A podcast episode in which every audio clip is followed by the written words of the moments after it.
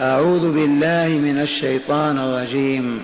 وإن خفتم شقاق بينهما فابعثوا حكما من أهله وحكما من أهلها. إن يريدا إصلاحا يوفق الله بينهما. إن الله كان عليما خبيرا. وإن خفتم شقاق بينهما فابعثوا حكما من أهله وحكما من أهلها. إن إن يريدا إصلاحا يوفق الله بينهما. إن الله كان عليما خبيرا. وإن خفتم معاشر المؤمنين والمؤمنات والخوف هنا توقعه لظهور آياته وعلاماته. إن حصل هذا وهو الخوف من الشقاق بين الزوجين. والشقاق نزاع صراع يجعل كل واحد من الزوجين على جهه فلا اتصال ولا ارتباط ولا تلاقي.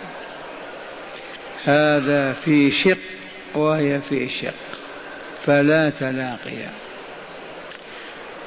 يا جماعة المسلمين إن خفتم شقاقا بين زوجين بين رجل منكم وامرأة منكم فمدوا أيديكم لإذهاب هذا الشقاق وإبعاده ولجمع المرأة مع زوجها لتتحقق الأهداف الثلاثة للزواج وهي السكينة والمودة والرحمة. جماعة المسلمين في القرية في الحي إذا بلغهم أن زيدا تنازع مع زوجته وأنه ما في شقاق. أنقذوا إخوانكم. كونوا محكمة. ابحثوا عن رجل ذي علم وبصيرة ومعرفة بشأن الزوج. وعن رجل آخر ذو علم ومعرفة وأدب ولياقة من أهل الزوجة.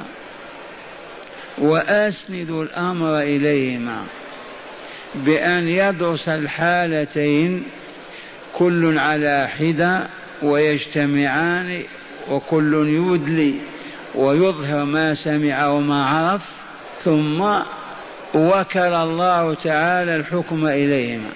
إن شاء فرقا وطلقا لعلمهما اليقين أنه لا فائدة في بقاء هذا الزواج.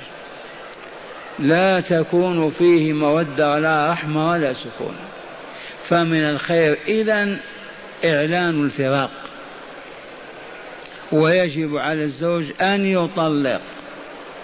وعلى الزوجة كذلك أن تطلق. ولا يقول لا ما أطلق أو تقول أنا لا أتطلق. إذا كان لا بد من الطلاق لإنهاء الشقاق إذا فالطلاق. ولكن الغالب إذا ناصح الحكمان وعدلا وكان أهلا للحكم والقضاء فإن الله يوفقهما لما فيه الخير. وإن خفتم شقاق بينهما أي بين الزوجين فإن فابعثوا حكما من أهلها. الحكم كالحاكم ولكن الحاكم دائم الحكم وهذا مؤقتا.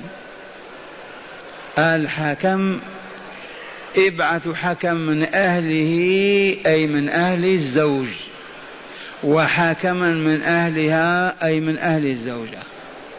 لماذا نبعث بهما لدراسة هذه القضية؟ والبحث عن المشكلة ما سبب هذا الخلاف حتى أدى إلى النزاع والصراع؟ لأن الآية الأولى بين لنا تعالى إذا رأينا نشوزا من المرأة وخفناه التأديب في ثلاث خطوات. الأولى الوعظ والتبيين فإن انتهت وعادت إلى الصواب فبها ونعمت. الخطوة الثانية هجرها في الفراش حتى تتوب وترجع إلى الحق. الثالثة ضربها ضربا غير مبرح. لا يشين جارحة ولا يكسر لا يكسر عضوا ولا يشين جارحة. والآن حصل شقاق بين رجل وامرأته. ما نفع فيه الوعظ ولا التأديب بالضرب ولا الهجران. فهل نترك المؤمنين هكذا في هذا الشقاء والبلاء؟ ونحن كجسم واحد. المؤمن أخو المؤمن. المؤمنون متكافلون متضامنون. ما يصر إبراهيم يصر عثمان وما يحزن عيسى يحزن موسى. وهذا معنى أن أهل قرانا وأحياء مدننا أنهم متضامنون متوادون متحابون متعارفون على نهج ما علمنا. يجتمعون كل ليلة وطول الدهر يتعلمون الكتاب والحكمة نساء ورجالا وأطفالا. من صلاة المغرب إلى صلاة العشاء. فتزكو النفوس وتطيب الأرواح وترتفع مستويات المعرفة فيصبحون كأنهم أسرة واحدة. أما والوضع هكذا أن لنا أن نأتي بالحكمين. إلا إذا القاضي عين فلان إلزاما وفلان. إذا وكل ما يصيبنا هو بذنوبنا. هيا نسمع الآية الأولى. هل لها وجود بين المسلمين؟ اسمع. الرجال قوامون على النساء. هذا موجود. وبدأت العكسات الآن المرأة الموظفة في العالم الإسلامي أصبحت هي القيمة على الرجل. إن قلتم ما سمعنا بهذا نحن نسمع لأن الشكاوى تأتينا. فما دامت تعيش وتقيت وإلا تنفق عليه سادته وإلا لا سادته وعلت فوقه وهي القيمة ويصبح تبعا لها. لما ترضى بهذا يا عبد الله؟ الرجال قوامون على النساء بسبب ماذا؟ بما فضل الله بعضهم على بعض. وهل فضل الله الرجال على النساء؟ اي والله. ورفع بعضهم درجات. والملاحدة والهابطون والجهلاء والول يعجبون من هذا المساواة بين المرأة والرجل. لما المرأة دائما هابطة؟ قولوا لهم هذه بنيتها وهذا جسدها وهذا تركيب الله في خلقتها. هل تتساوى مع خلقة الرجل؟ في تساوي. في البدن بينهما فرق. بينا هذا حتى في التيس مع العنزة. تعرفون التيس وصولته ولا لا؟ في الجمل مع الناقة في ماذا؟ في الكبش مع النعجة في الثور مع البقرة. فالإنسان يلين ينكسر تصبح المرأة هي أعلى منه. لكن لجهلهم وعنادهم المهم يريدون أن يبعدوا نور الله. الله يقول الرجال قوامون من آدم عليه السلام إلى يوم القيامة. إلا إذا مسخت أمة أو جيل من الأجيال وهبطوا وساد النساء فأصبحوا مسخ من أنواع المسخ. لا يعتبرون ولا يلتفت إليهم. والعقل عقل المرأة كعقل الرجل. وظف. رئيس في دائرة وسلط عليها شيطان سياسي يعبث بقلبها كم ويقلبها. ولا تثبت أمام كلامه. لا نصول في هذا الباب ولا نجول الحمد لله الذي عافانا مما ابتلاهم به. فاثبتوا النساء تحت الرجال بما فضل بعضهم على بعض. ومن جملة التفضيل الرجل هو الذي يعيشها وينفق عليها. يشتغل عشر ساعات اثنتي عشر ساعة في الحر والبرد من أجل أن يوفر طعامها وكساءها وسكنها. أليس هذا موجب للقيومية عليها والسيادة؟ وهي نائمة في بيتها.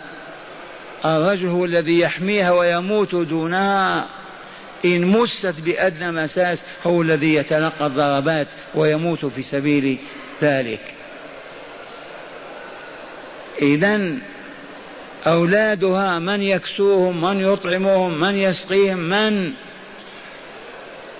إذا فالرجل ينفق ماله ومن أبرزه النفقة اليومية والمهر ما ننساه.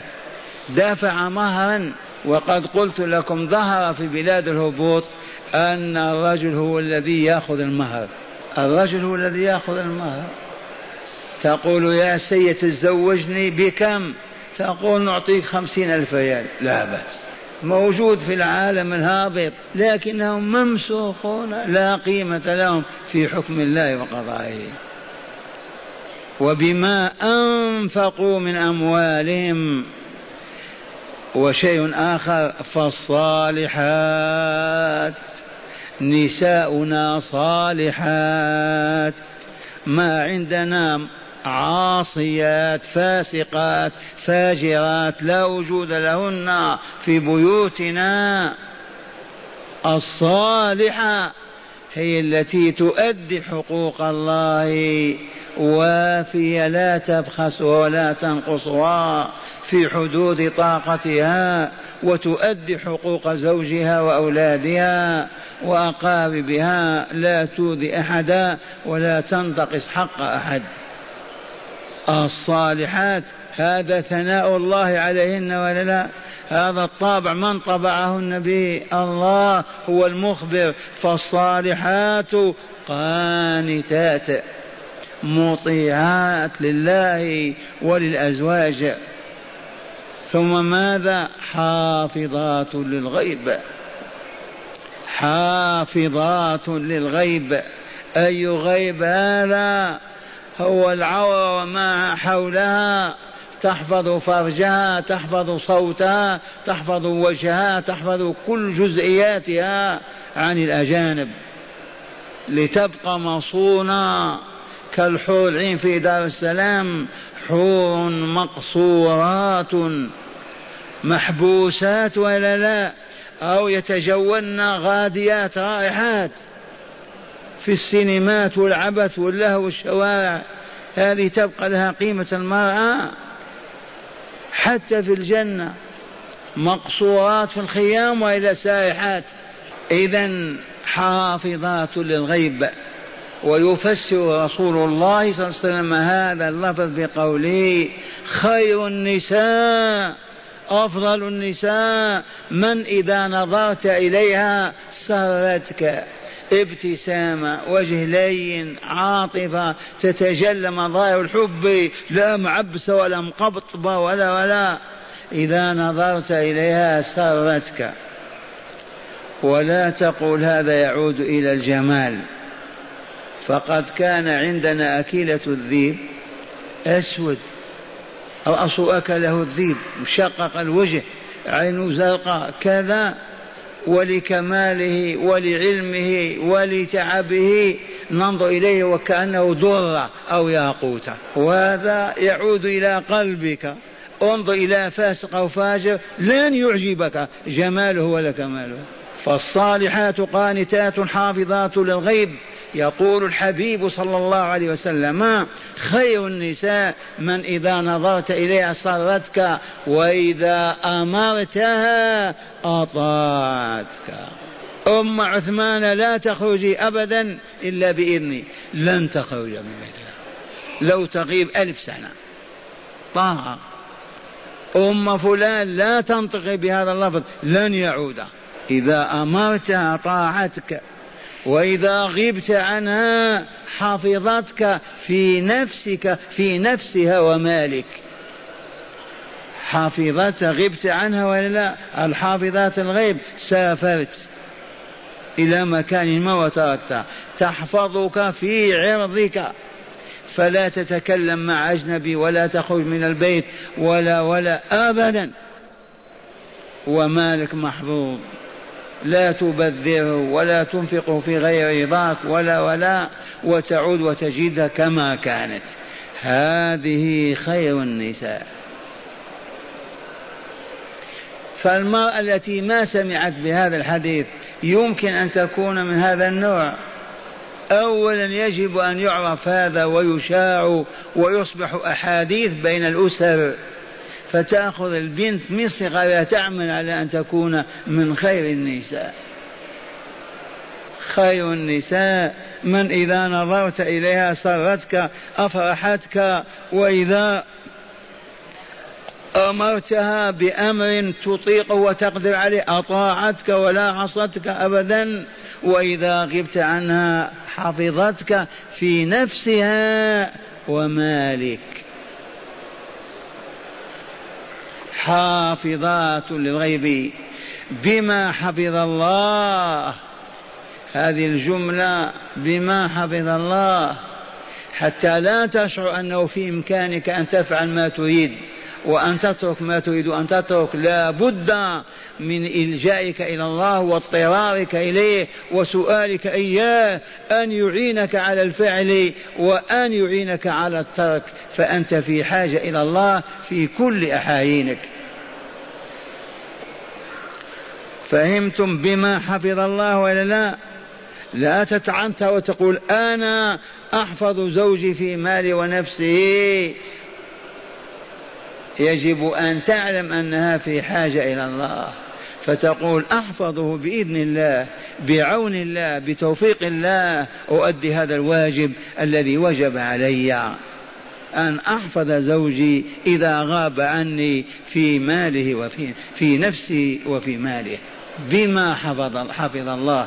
ثم قال تعالى واللاتي تخافون نشوزهن واللاتي من النساء من الزوجات تخافون نشوزهن ظهرت علامات النشوز وهو الترفع والتعالي على الزوج.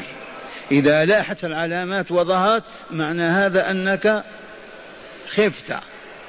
نشوزها. فماذا تصنع؟ سيدك ومولاها يعلمك. لا القاضي ولا رئيس البعثة.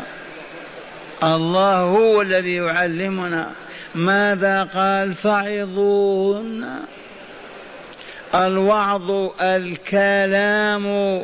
الذي يحمل الأمر والنهي والأمر بما معه من بشائر ونتائج طيبة والنهي وما يحمل من أتعاب وآلام وبوصفها مؤمنة لا يزال زوجها يعظها يأمرها وينهى ويبشرها ويحذرها حتى تترك ذلك الخلق الذي هو النشوز. وتطيعه وتلين له وتصبح كما يريد الله منها فإن فرضنا ما نفع الوعظ أو كان الزوج لا يحسنه ما عنده قدرة على الوعظ لا يعرف شيئا إلا العصا والصوت الغليظ. الوعظ ما فيه. يجب أن يتعلم وأن يعظها. ولا يحل أن ينتقل إلى الخطوة الثانية إلا بعد الفراغ من الأولى. ما تعرف ائتي بأبيك وإلا أمك وإلا وعظوا هذه المسكينة. أنا ما عرفت وعظها فيوعظونها. يبين له عواقب الطلاق ونتائج الفراق وأذية الزوج وما يترتب عنها من غضب الله. فإن هي رجعت الحمد لله أبت الخطوة الثانية واهجروهن في المضاجع. لأنها زوجة. بت معها على فراش واحد وأعطيها ظهرك ولا تلتفت إليها ولا تكلمها ولا تجامعها. اتركيني. فحسب سنة الله لا تزيد على أسبوع وقد لانت وطابت. خليها أربعين يوما. ما تصل ما تقوى أبدا. وتعلن عن ندمها وأسفها وأني مطيعة ويحصل الخير بإذن الله. لأن هذه تعاليم الله وإلا لا. من وضع هذا؟ الله جل جلاله وعظم سلطانه. فإن قست وتحجرت ما نفع وعظ ولا هجران إذا فلم يبق إلا الضرب. واذكروا ما ذكر تعالى الضرب في القرآن إلا في إقامة الحدود ثم في هذه القضية. ضرب الإنسان في الحدود ثم في هذه القضية. ومعنى هذا أن التي ما نفعها وعظ ولا هجران وتأهلت الضرب أنها إن لم يتب الله عليها وتستعجل التوبة تهلك. اضربوهن. هذا الضرب ليس مناه بالسيف أو بالرصاص. يقول قال اضربوهن. الرسول بين لنا الضرب ما هو؟ كضربك ولدك لما يعصيك. كضربك تلميذك لما ما يأتي بواجبه. هذا الضرب الذي لا يشين جارحا ولا يكسر عضوا أو لا يكسر عضوا ولا يشين جارحا كيف يشينها يصبح وجه أزرق. كذا ولا؟ الدم ملطخ. كسر العضو أصبع يد رجل هذا حرام. وقد علمنا الفقه في هذه القضية. إذا هي كسر عضوها ليس هناك قصاص وإنما هناك دية لأنه ما هو عن عمد للتأديب. أما إن قاتلها بالضرب فإنه يقتل قصاصا. فإن الله ما قال فاقتلوهن قال فاضربوهن. الضرب غير القتل فإن أطعنكم أيها الرجال فلا تبغوا عليهن سبيلا. لا يحل لك أن تخترق عوامل وأسباب لتضربها. أو توجد تفاعلات سمعتها تقول رأيتك كذا لما كذا من أجل أن ينتقم ويضرب. متى أطاعت لا يحل لك أبدا أن تمسها بأذى. لأنها أمة الله وأنت عبده ما أنت بإله.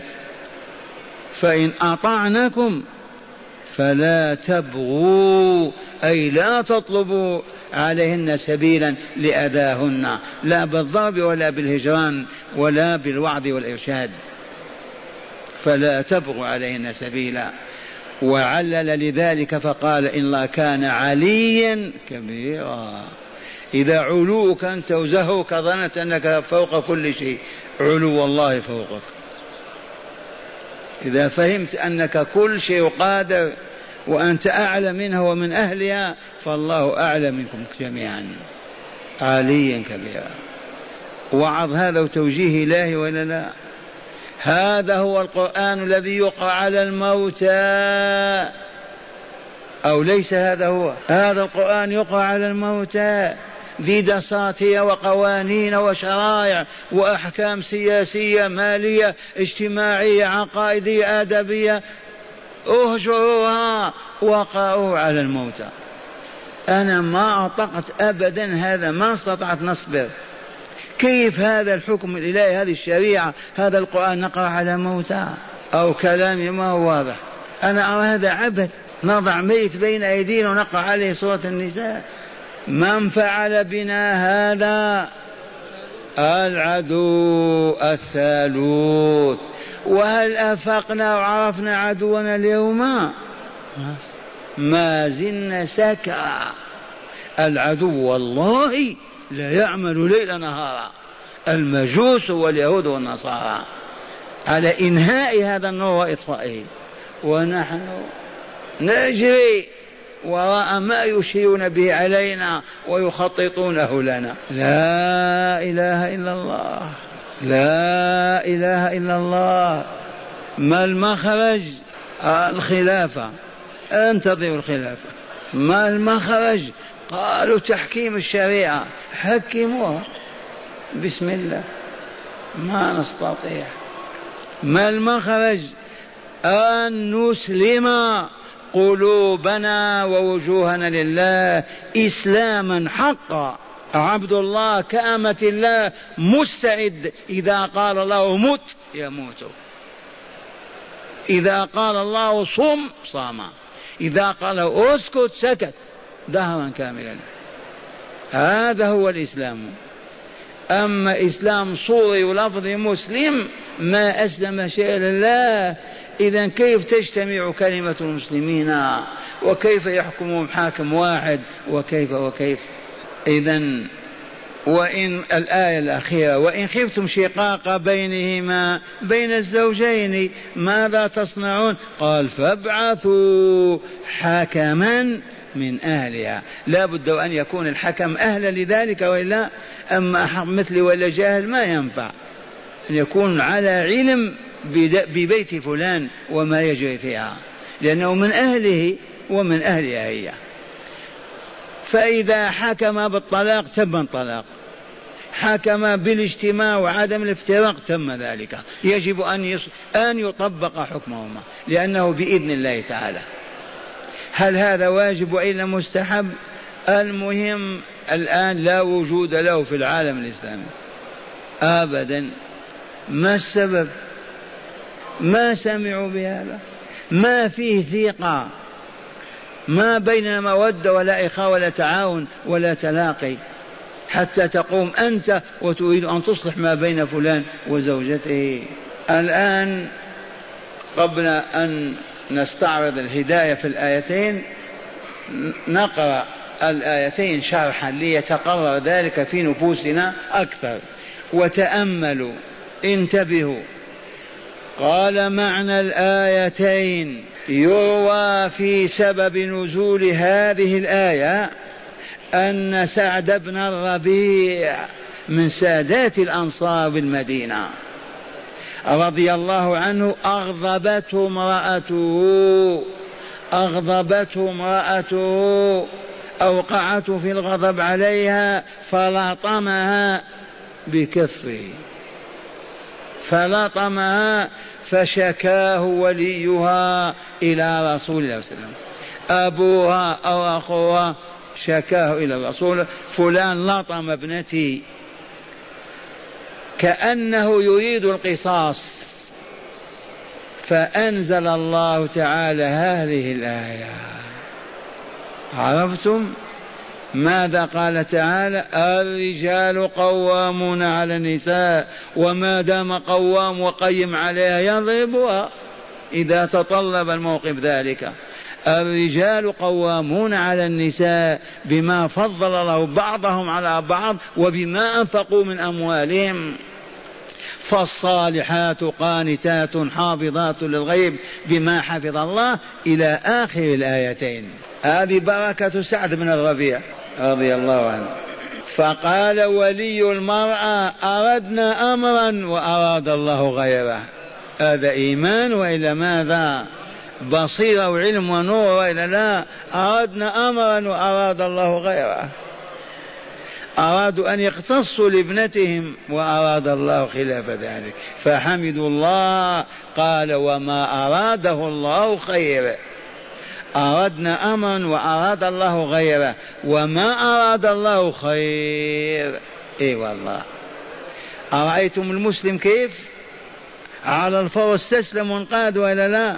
قال ورضي بحكم الله تعالى وهو أن الرجل ما دام قواما على المرأة يرعاها ويربيها ويصلحها بما أوتي من عقل أكمل من عقلها وعلم أغزر من علمها غالبا.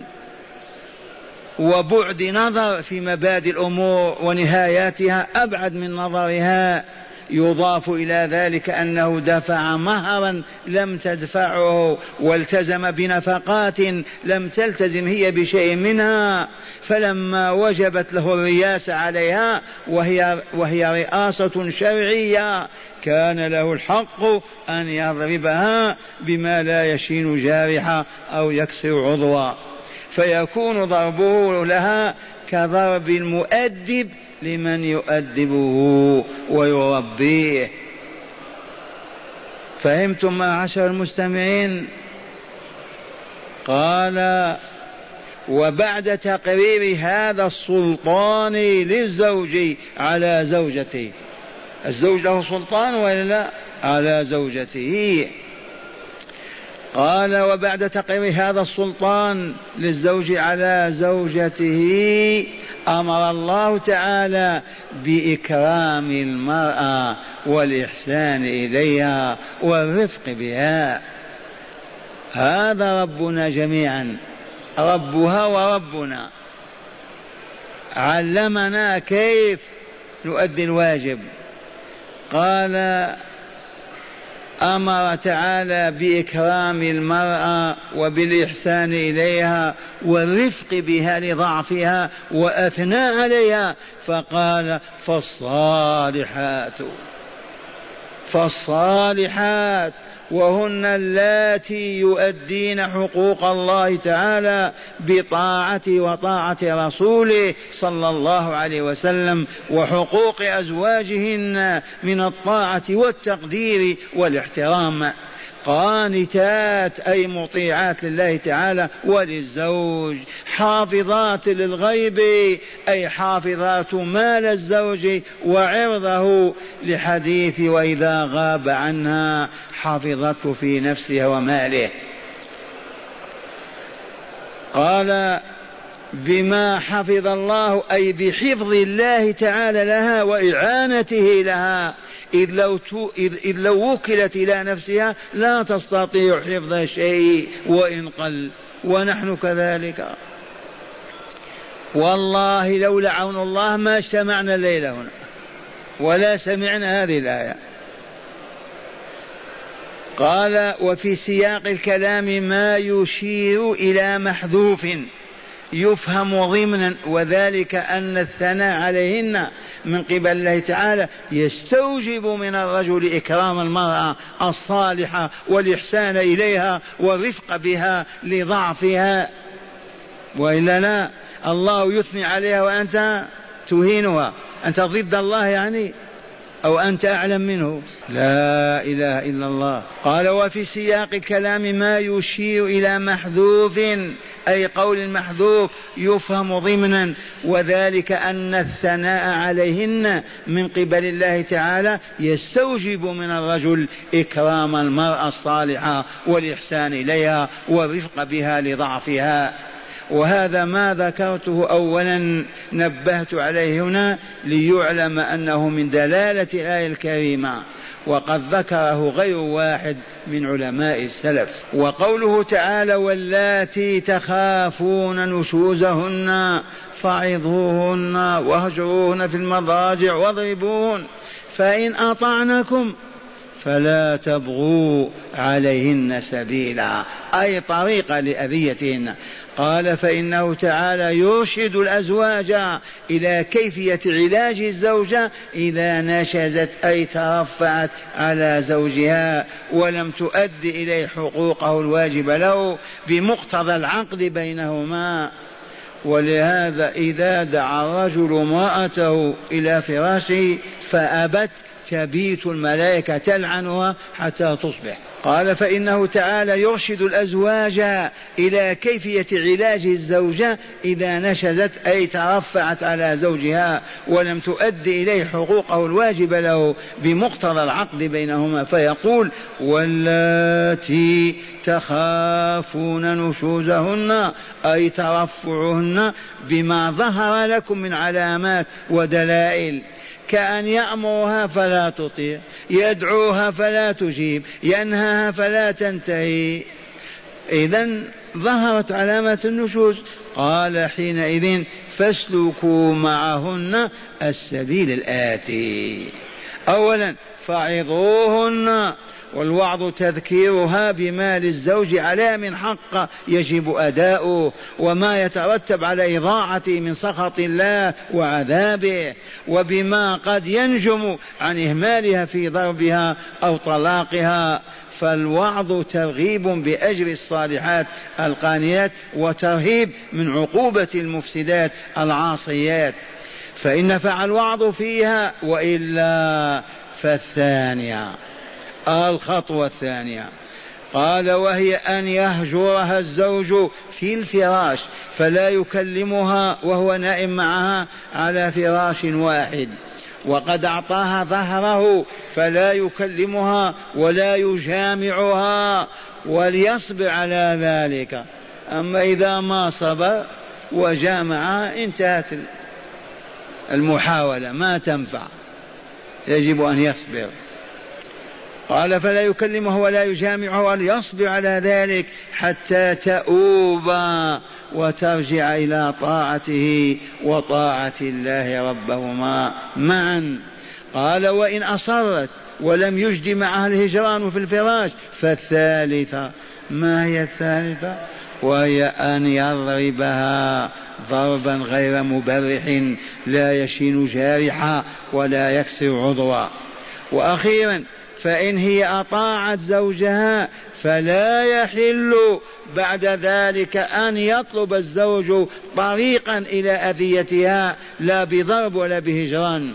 لقول الله تعالى فإن أطعنكم أي الأزواج فلا تبغوا أي تطلبوا عليهن سبيلا لأذيتهن باختلاق الأسباب وإيجاد العلل والمبررات لأذيتهن. يوجد مع بعض أهل الجهل قال وقوله تعالى إن الله كان عليا كبيرا تذييل للكلام بما يشعر. من أراد أن يعلو على غيره بما أوتي من قدرة بأن الله أعلى منه وأكبر فليخشى الله وليترك من علوه وكبريائه. إن الله كان عليا كبيرا. قال هذا ما تضمنته هذه الآية العظيمة. أما الآية الثانية فقد تضمنت حكما اجتماعيا آخر وهو إن حصل شقاق بين زوج وامرأته فأصبح الرجل في شق والمرأة في شق آخر فلا تلاقي بينهما ولا وفاق ولا وئام وذلك لصعوبة الحال فالطريق إلى حل هذا المشكل. ما أرشد الله تعالى إليه وهو أن يبعث ولي الزوجة أن يبعث ولي الزوج حكما من قبله ويبعث ولي الزوج حكما من قبله أو يبعث الزوج نفسه حكما وتبعث الزوجة أيضا نفسها حكما من قبلها أو يبعث القاضي كذلك الكل جائز وواسع. لقوله تعالى فابعثوا خاطب المسلمين على شرط أن يكون الحكم عادلا عالما بصيرا حتى يمكنه الحكم والقضاء بالعدل. فيدرس الحكمان القضية أولا مع طرفي النزاع ويتعرفان إلى أسباب الشقاق وبما في نفس الزوجين من رضا وحب وكراهة وسقط ثم يجتمعان على إصلاح ذات البين فإن أمكن ذلك في فإن أمكن ذلك فيها وإلا فرقا بينهما برضا الزوجين. مع العلم أنهما إذا ثبت لهما ظلم أحدهما فإن عليهما أن يطالب برفع الظلم. فإن كان الزوج هو الظالم فليرفع ظلمه وليؤدي ما وجب عليه. وإن كانت المرأة هي الظالمة فإنها ترفع ظلمها أو تفدي نفسها بمال فيخالعها به زوجها. هذا معنى قوله تعالى وإن خفتم نشوزهن وإن خفتم شقاق بينهما وإن خفتم شقاق بينهما قال والخوف هنا بمعنى التوقع الأكيد بما ظهر من علامات ولاح من دلائل فيعالج الموقف قبل التأزم الشديد فابعثوا حكما من أهلها وحكما من أهله لأنهما أعرف بحال الزوجين من غيرهما وقوله تعالى إن يريدا إصلاحا فإنه يعني الحكمين. يوفق الله بينهما أي إن كان قصدهما الإصلاح والجمع بين الزوجين وإزالة الشقاق والخلاف بينهما فإن الله تعالى يعينهما على مهمتهما ويبارك في سعيه في مسعاهما ويكلله بالنجاح. لأنهم أرادوا الله فلا يخيبهم. وقوله تعالى إن الله كان عليما خبيرا. ذكر تعليلا لما واعد به تعالى من التوفيق بين الحكمين. إن لو لم يكن عليما خبيرا ما عرف نيات الحكمين وما يجري في صدورهما من إرادة الإصلاح أو الفساد. إن الله كان عليما خبيرا. إذا هداية الآيتين. آية نستنبط نستخرج ما في الآيتين من هداية. إن أردنا الهداية كيف لا نريدها؟ نريد الضلال إذن؟ قال من هداية الآيتين أولا تقرير. تعرفون التقرير وإلا لا؟ من القرارات. تقرير مبدأ القيوميه للرجال على النساء وبخاصة الزوج على زوجته. فلو يأتي علماء النفس والكيمياء والطبيعة والسحر والعالم بأسره يقولون لا ليس من الصواب أن يكون الرجل هو القيم. نقبل؟ والله ما نقبل. أنرضى بالكفر بعد الإيمان؟ أنتبع الهوى والشياطين؟ الرجال قوامون على النساء. ثانيا وجوب إكرام الصالحات والإحسان إليهن. أيها الفحول كيف حالكم مع نسائكم؟ لا تسأل يا شيخ. نحن مقلدون. يا عميا ما هذا؟ إيش هذا الطعام البارد كذا؟ أدنى شيء. أنت طالق طالق طالق. يقول أنا غضبت. ما حملك على الغضب؟ لا إله والله لو تسجل لكم أصواتكم في البيوت لرأيتم العجب. لما الشيخ يتبجح هكذا؟ والله ستين سنة ما قلت لامرأتي كلمة سوء ولا مسستها بيدي ولا بإصبعي. لما؟ هذا هو الإسلام. التربية في حجور الصالحين. الآن أين كنا؟ في ضيبة قال القاضي ولا في تبوك. تسعين طلاق في شهر واحد. تسعين طلاق. تسعين بيت خربت ما سبب هذا؟ الجهل من الجانبين. عدم التربية من الطرفين. إذ لو كان أحدهما أعلى وأفهم يستطيع أن يلين الجانب. وأن يهبط بذلك العلو وأن يصلحه. لكن الزوج كالزوجة. كلاهما في ظلام الجهل. وجوب إكرام الصالحات وإلا لا. بما يكون إكرامهن بالأدب واللطف والظرف والإحسان وعدم الهيجان وعدم الإغضاب. هذا هو الإكرام. وعدم تحميلهن ما لا يطيقن وعدم طلبهن ما لا يستطيعن. قال ثالثا بيان علاج مشكلة النشوز نشوز الزوجة وذلك أولا بوعظها ثانيا بهجرانها ثالثا بضربها الضرب المعروف. اسمحوا لي معشر المستمعين أقول كيف ندرس هذا الدرس ونخرج منه وما نعرف التأديب الذي ذكره تعالى لنا ولا نقص ولا نتحدث به بالعامية. يا شيخ إذا نشزت أو خفت من نشوز امرأتك ماذا تفعل معها؟ قل ما ندري. كيف ما ندري؟ ما حضرت ما سمعت. ماذا تفعل يا إدريس أيها الزوج الجديد؟ قوم وبين لنا أرفع صوتك. قال أعظها اولا فإن لم ينفع الوعظ بعد عام شهر هجرتها في البراش ما نفع الهجران ضربتها. هذا يجب أن يحفظه كل مؤمن ومؤمنة. قال بيان علاج مشكلة النشوز نشوز الزوجة وذلك بوعظها أولا ثم بهجرانها في الفراش ثانيا ثم بضربها ثالثا. ضربا غير مبرح. ما معنى ضرب غير مبرح أو مبرح؟ لا يكسر عضو ولا يشين جارحا. رابعا لا يحل اختلاف اختلاق الأسباب وإيجاد مبررات لا لأذية المرأة بضرب وبغيره حرام على العبد أن يختلق أسباب ويوجد مبررات من أجل أن يتوصل بها إلى أذية المؤمنة. ما تريدها طلقها. لماذا تبحث على مبررات حتى تضربها أو تؤذيها؟ لا يحل اختلاق الأسباب وإيجاد مبررات لأذية المرأة بضرب أو غيره.